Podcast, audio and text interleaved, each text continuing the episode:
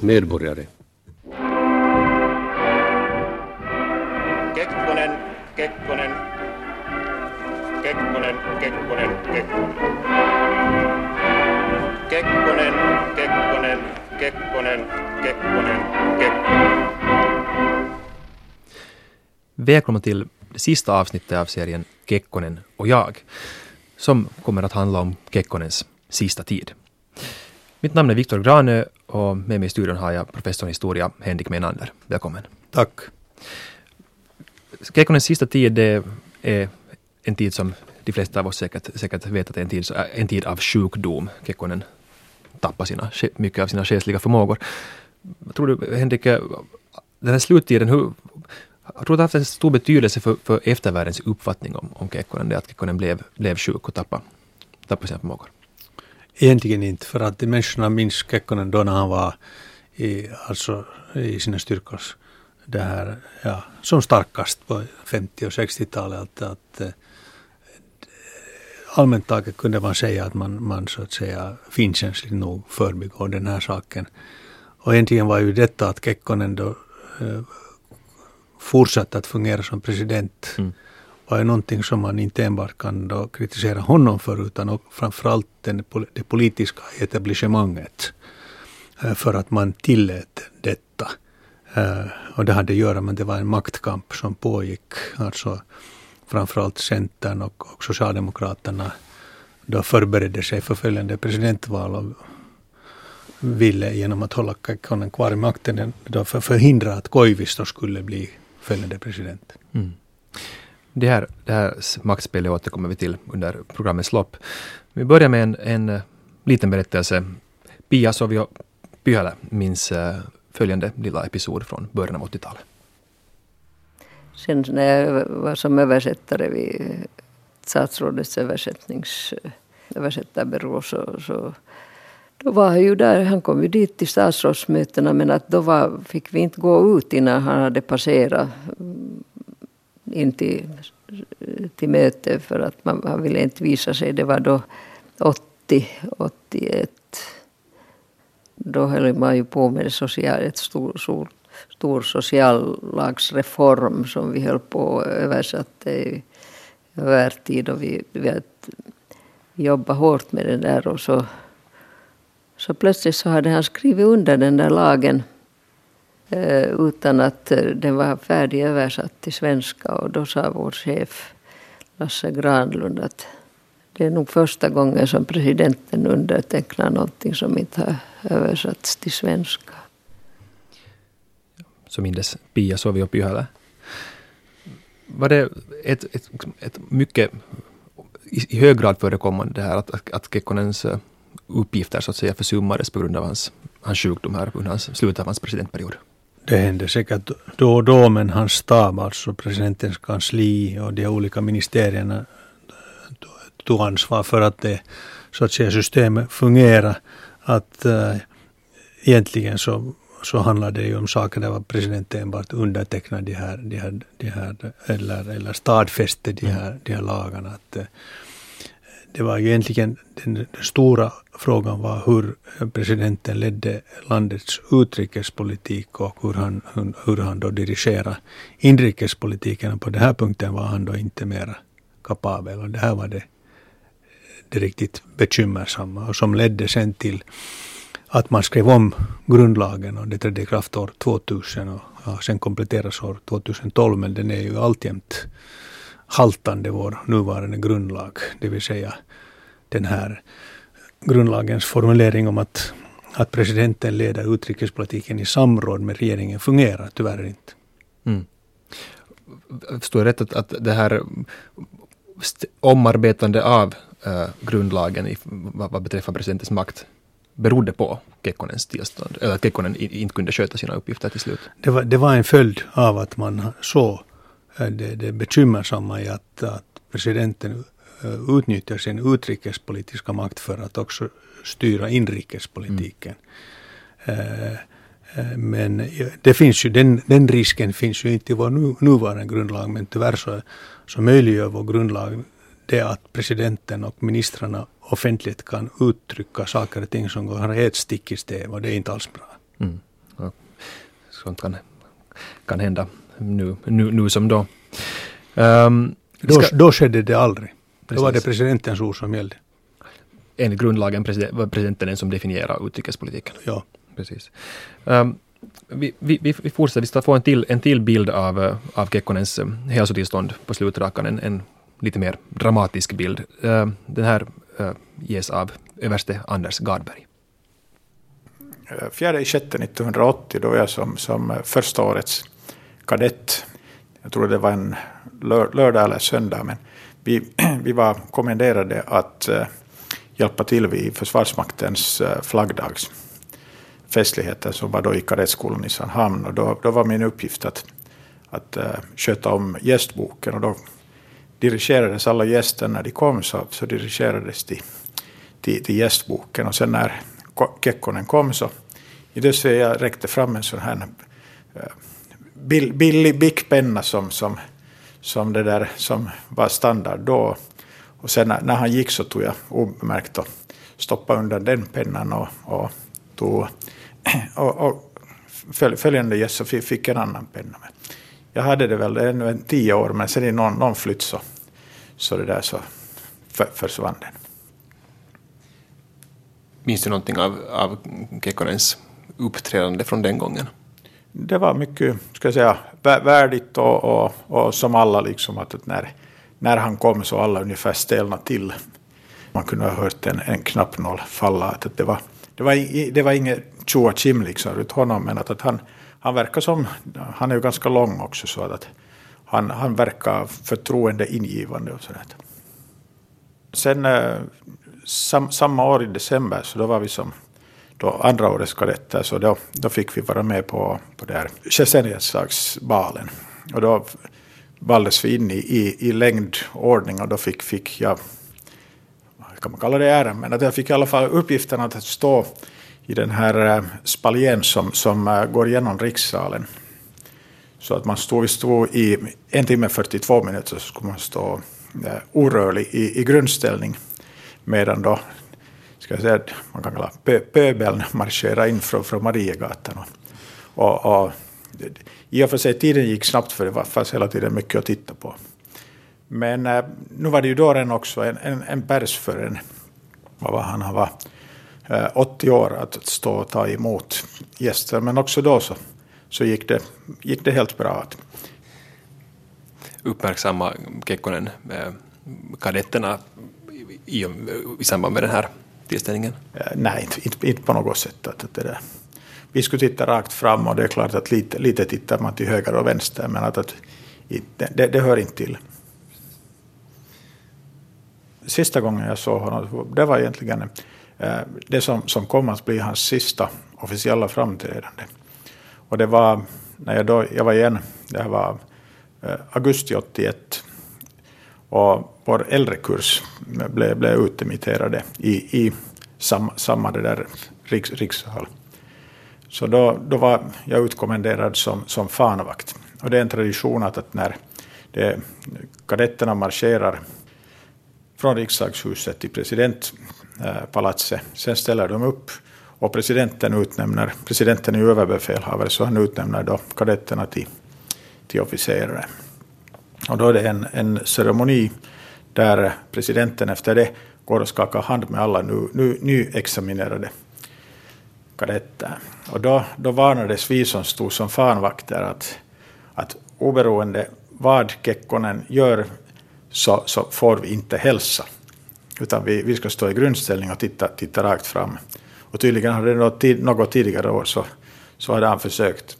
Eh, det, det berättas han att, att då han hade försökt hälsa och, och fanvakten hade brutit mot reglementet och, och, och skakat hand. Så det här tutades in då i oss att, att ni, ni står stilla. Men att, att, när, när sen den här ceremonin började så då märkte man att det fanns ingen risk att han skulle ha gjort det för att, att adjutanterna, det var då Lasse Wächter och, och Juha Engström, så de, de, de gav inte en chans åt Kekkonen att göra fel. För att, att då, då, märkte man att han, var, han verkar vara helt, helt frånvarande, nästan som en zombie. Och han leddes fram nästan steg för steg och sen tog de och, och det där. Ja, dels, dels så yngre adjutanten så ställde sig alldeles framför fanvakterna och den andra adjutanten väkter. Så han nästan personligen här, hälsa, hälsa. Och, och då, då, märkte man på något sätt att, att eh, ja, ska jag säga, han, var inte, han var inte i skick. Sen läste han, han hade ett, ett tal då som han läste och då kunde man se att, att, att det, det talet var skrivet med ungefär font 36, alltså enormt stora, stora det där, eh, bokstäver. Och eh, man fick den uppfattningen att, att han var inte riktigt medveten om var han var, att han fick mer eller mindre att, att, att det där, här är ett papper, läs här, hälsa här. Man, man kommer att tänka på att, att, att om presidenten är i det här skicket så att han måste ledas från, från ställe till ställe och, och sägas att vad han ska göra, så vem, vem är det egentligen som, som har den riktiga makten? Vem är det som, som leder, leder det här landet? Jag så här mindes överste Anders Gardberg eh, när han kunde observera Kekkonen i augusti 81. Sitter här äh, med Henrik Meinander och, och pratar om Kekkonens slutskede. Hur skulle du, äh, Henrik, svara på den här frågan som äh, Anders Gardberg ställde här i slutet? Att vem är det egentligen som leder det här landet? Det var inte Kekkonen, det mer alltså Anders Gardberg, tidigare kommendör för Nylands brigad, så kom ju, kom ju senare också under sin karriär att träffa många statschefer och har, har bra perspektiv på det hela. Det här var ju någonting som var pinsamt, inte enbart för presidenten utan för alla inblandade. Man, på finska finns det fina uttrycket mötehäpe, alltså kollektiv skam. Mm. Och det var ju en kollektiv skam som man i Finland kände, de som visste om det hela. Att, att, att, att så här, man kunde ha en statschef som då inte var mera kapabel att sköta sitt ämbete. Eh, så att eh, det är en lång skugga som faller på de här personerna som då kunde ha ingripit, men som inte vågade eller ville göra det. Om det var så att de inte ville, varför ville de inte? Ja, det hade att göra med att eh, man redan positionerar sig inför följande presidentval. Mm. Och Eh, den dåvarande statsministern Mauno Koivisto var mycket populär. Men Centern ville förstås få sin man som Kekkonens efterträdare och Socialdemokraterna var inte heller alls starkt, särskilt starkt för Mauno Koivisto som var socialdemokrat utan den socialdemokratiska ledningen hade hellre sett att till exempel Kalevi Sorsa skulle ha blivit presidentkandidat och sedan president. Och det här gjorde att man, man man eh, hoppa, försökte fälla Koivistos regering så att han inte skulle vara statsminister när Kekkonen blev då sjukskriven. Mm. För skulle han ha varit statsminister, vilket han då kom att vara, då så skulle eh, det här betyda att hans ställföreträdare, presidenten, skulle haft ska säga, trumf på handen inför presidentvalet. Och det gjorde att, att eh, Centerpartiet och delvis också Socialdemokratiska partiet försökte fälla sin egen regering våren och sommaren och sensommaren 1981. Mm. Så som svar på frågan vem det var egentligen som ledde landet, det var då alltså regeringen som, som så att säga också tog till sig presidentens makt, eller förstod jag, förstod jag rätt? Ja, delvis kanske ännu mer presidentens kansli och mm. vissa mm. höga tjänstemän ut, alltså på utrikesministeriet och, och sen ja, re, mm. regering, regeringen hade bara ansvar för det hela.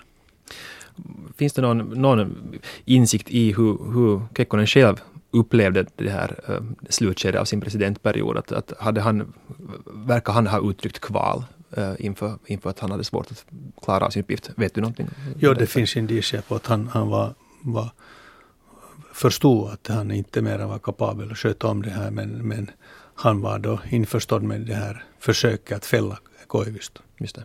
Okay.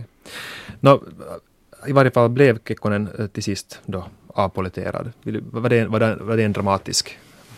Det var inte en avpolitering utan han meddelade alltså i början av september 1981 att han, han eh, på grund av sjukdomstillstånd inte kunde sköta ämbetet. Mm. Och sen senare under hösten 1981 så, så kom han då att an, anhålla om, om avsked, vilket han fick. Och då hade den eh, Mauno Koivisto fungera en tid som ställföreträdande president. Ja. Vi kommer att nu få höra vår series sista berättelse. En historia från Åland. Det är den pensionerade kyrkoherden Joe Brandt eh, som på Brändö 1980 var med om Kekkonens sista fiskresa. Så här minns han det. Den 13 augusti vid klockan ett-tiden så kom Kekkonens sällskap. Jag tror att han hade en generallöjtnant med sig som hette Juha Engström som jag kom i samspråk med där. Jag hade då vidtalat en båtförare, en båtägare, skeppare på skärgårdsfärjorna, Bengt Karlström, som hade en liten eh, fiskebåt, en liten snipa. Kekkonen visade stora tecken på iver. Han hade dessvärre drabbats av, av dålig syn. Så att eh, han, han såg inte eh, bra. Han såg inte då när han stod vid kajen att det var ett ganska stort avstånd ner till båten. Kanske en meter ner. Så han var beredd att stiga rakt ut från kajen i fiskebåten som vi skulle fiska men adjutanten då, Joha och, och Joe Brandt, jag då, så vi nappade tag i honom i armen att han inte skulle falla ner och skada sig ordentligt innan fiskefärden hade börjat. Han var verkligen en fiskare, ivrig. Ingen annan i sällskapet eh, kastade lika mycket som den då snart 80-årige Kekkonen. Och det var en svår fiskedag. 13 augusti, högsommarvärme, mitt på dagen och stiltje. Det var inget gäddväder. Eh, men eh, vi gjorde ju nu i alla fall vad vi kunde av den här fiskefärden. Och det tog inte så länge förrän Kekkonen fick sin första gädda. Och eh, vi fortsatte och han fick sin andra gädda. Vi kom till sundet som vi skulle köra igenom nätt och jämnt för att komma till den inre fjärden i Baggholma. Nu hade vattnet under natten gått ut och vi var flera i båten. Vi var fem personer emot två när vi testade. Det betydde då att båten fastnade i botten och drog han på med propellern så, så sög det fast ännu mera så han fick köra väldigt, väldigt sakta med motorn. Och Juha och jag tog varsin åra och stötte så mycket vi kunde för att staka igenom det där sundet. Och vi kom igenom. Och eh, medan vi höll på där och staka så blev ju sjöbevakarna som följde efter och skulle då garantera presidentens säkerhet. De blev helt nippriga att vi for så här långt bort eh, ifrån djupt vatten. De kunde inte följa med sina snurrebåtar efter oss. Jag visste inte då att de larmade en helikopter. Snart surrade en helikopter ovanför. Och vi kom dit in. Och det här, efter några kast så fick han sin, sitt livs rekordgädda. Eh, officiellt fem och en halv kilo. Jag tog in den med hoven och då satte presidenten sig ner på pliktet. Det är den plats längst fram i fören som är som en trekant med en liten duns. Nytt lärde den himman, sa han. Och jag det uppstod på något sätt ett väldigt vänskapligt och förtroligt förhållande mellan mig som fiskevärd och, och presidenten som, som gäst. Eh, jag frågade honom nog i början, herra presidentti, saanko puhutella suomeksi? En minä ole miten presidentti täällä. Minä olen kalastaja. Puhuttelet miten, miten sä haluat vaan. Jag frågar någon gång mellan verserna, vill du inte ha någonting att dricka? Jag kanske inte sa du, men får det vara någonting att dricka? Han sa, nej, nu, nu fiskar jag. Och sen när han satt sig ner så sa han med lite anspelning på mitt yrke förstås att inte behövde Israels barn törsta i öknen hela tiden. De, de fick ju att dricka när Moses slog med staven på klippan. Så han förstod vinken och hällde i ett glas eh, öl. Inte ens ett fullt dricks, så han sa tack. Och han njöt synbarligen av det där ölet. Och lite senare på hösten kom det inbjudan till självständighetsbalen i slottet.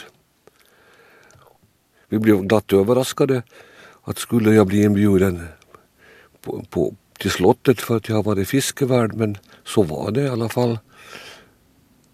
Och vi förberedde oss att fara naturligtvis och min hustru också. Vi fick allting arrangerat ända hemifrån Saltvik till Helsingfors med taxi, båt och tåg. All, alla biljetter kom och, och, så vi behövde inte lägga ut ett penny för resan. Så vi får dit och det var massor med människor. Det var alldeles fullpackat. Överallt där man gick så fick man nästan gå med sidan till för att komma fram. Efter en stund så kom Kekkonen och gick genom människohavet där i korridoren och stora rum och salar.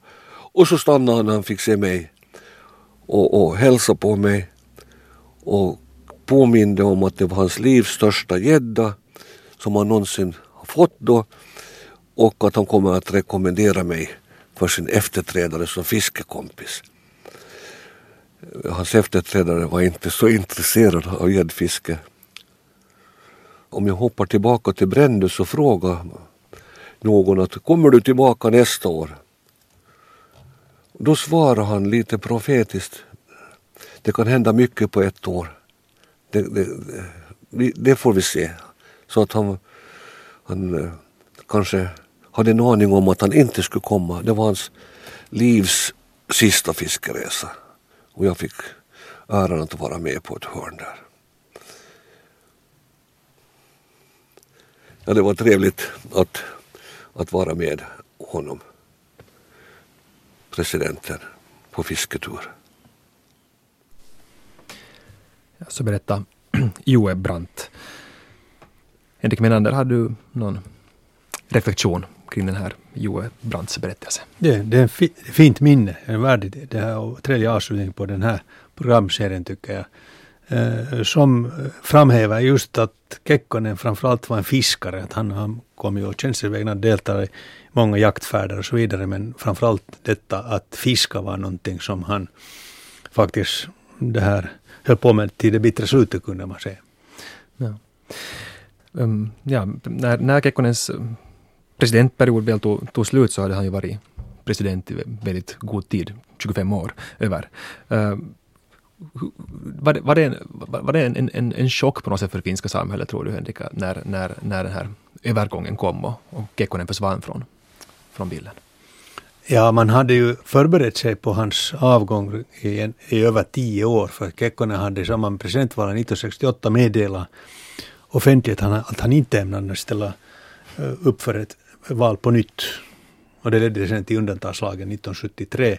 Men så ställde han ändå upp 1978 men det politiska etablissemanget hade redan positionerat sig 68 inför det här, det här maktskiftet. Så att på det sättet var det inte överraskande. Ehm, eh, men eh, just våren och sommaren 81 så, så, så förstod man nog att, att eh, någonting höll på att ske. Det var så pass märkligt den här maktkampen som pågick inom regeringen det har ju gått 30 år sedan Kekkonen dog. Det har gått 60 år sedan han valdes till president för första gången. Finland firar nästa år sitt 100-årsjubileum. Så här nu när Kekkonen börjar vara en, en, en person i, i Finlands förflutna allt mera. Eh, allt, ett allt mer avlägset förflutet så att säga. Om vi försöker ta ett sånt här liksom, 100, 100 års perspektiv, vad betyder Kekkonen för Finland?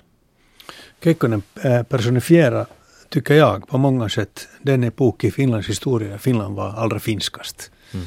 Och finskast i, i, i, flera betydelser, alltså både eh, eh, som nationalstat eh, och som kultur och som välfärdssamhälle och, och eh, som, ja, som ett system.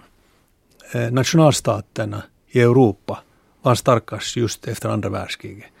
Och när Kekkonen tillträdde som president 1956 så, så intensifierades, eh, accelerera Finlands eh, urbanisering och industrialisering. Så han kom på många sätt att, att leda Finland när man levde i en enhetskultur. Och, och då, mycket av det vi idag ser det här byggdes upp med som idag på många sätt är hotade på grund av att statsmakten inte mer har, har den ekonomi som den behöver över för att driva och upprätthålla det. Mm. Men om man, om man, som du sa, personifiera det, det, det, det mest finska, um, så kan, det, då var det ju inte, inte bara det att han var, råkade finnas just i, rätt, i det skedet i historien. Vad, vad gör att han personifierar det här, de här värdena? No, han, han, han personifierar också de här värdena därför att han eh, var en man av folket.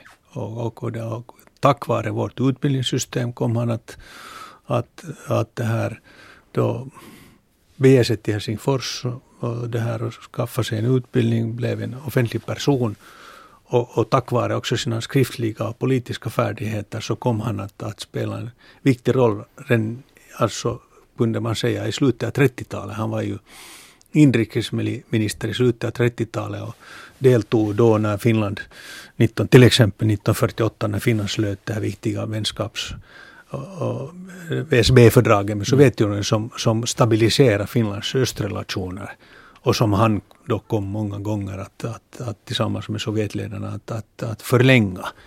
Eh, många finländare kommer i, ännu idag ihåg den här perioden i, i Finlands historia som en gyll, gyllene period. Det är många politiska partier i Finland som egentligen i praktiken hoppas kunna Eh, det här rekonstruera eller återvända till det här samhället men, men det är nog nostalgi. Mm.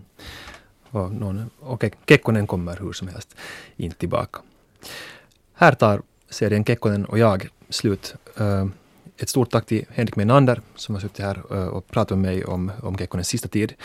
Vi har idag fått höra berättelser av Pia Sovio Pyhälä, Anders Gardberg och Joe Brandt. Ljudtekniker för den här serien är Anne Heikkilä Producent är eh, Marcus von Reiche och på Five Corners Production. Jag heter Viktor Granö och tack för att ni lyssnade.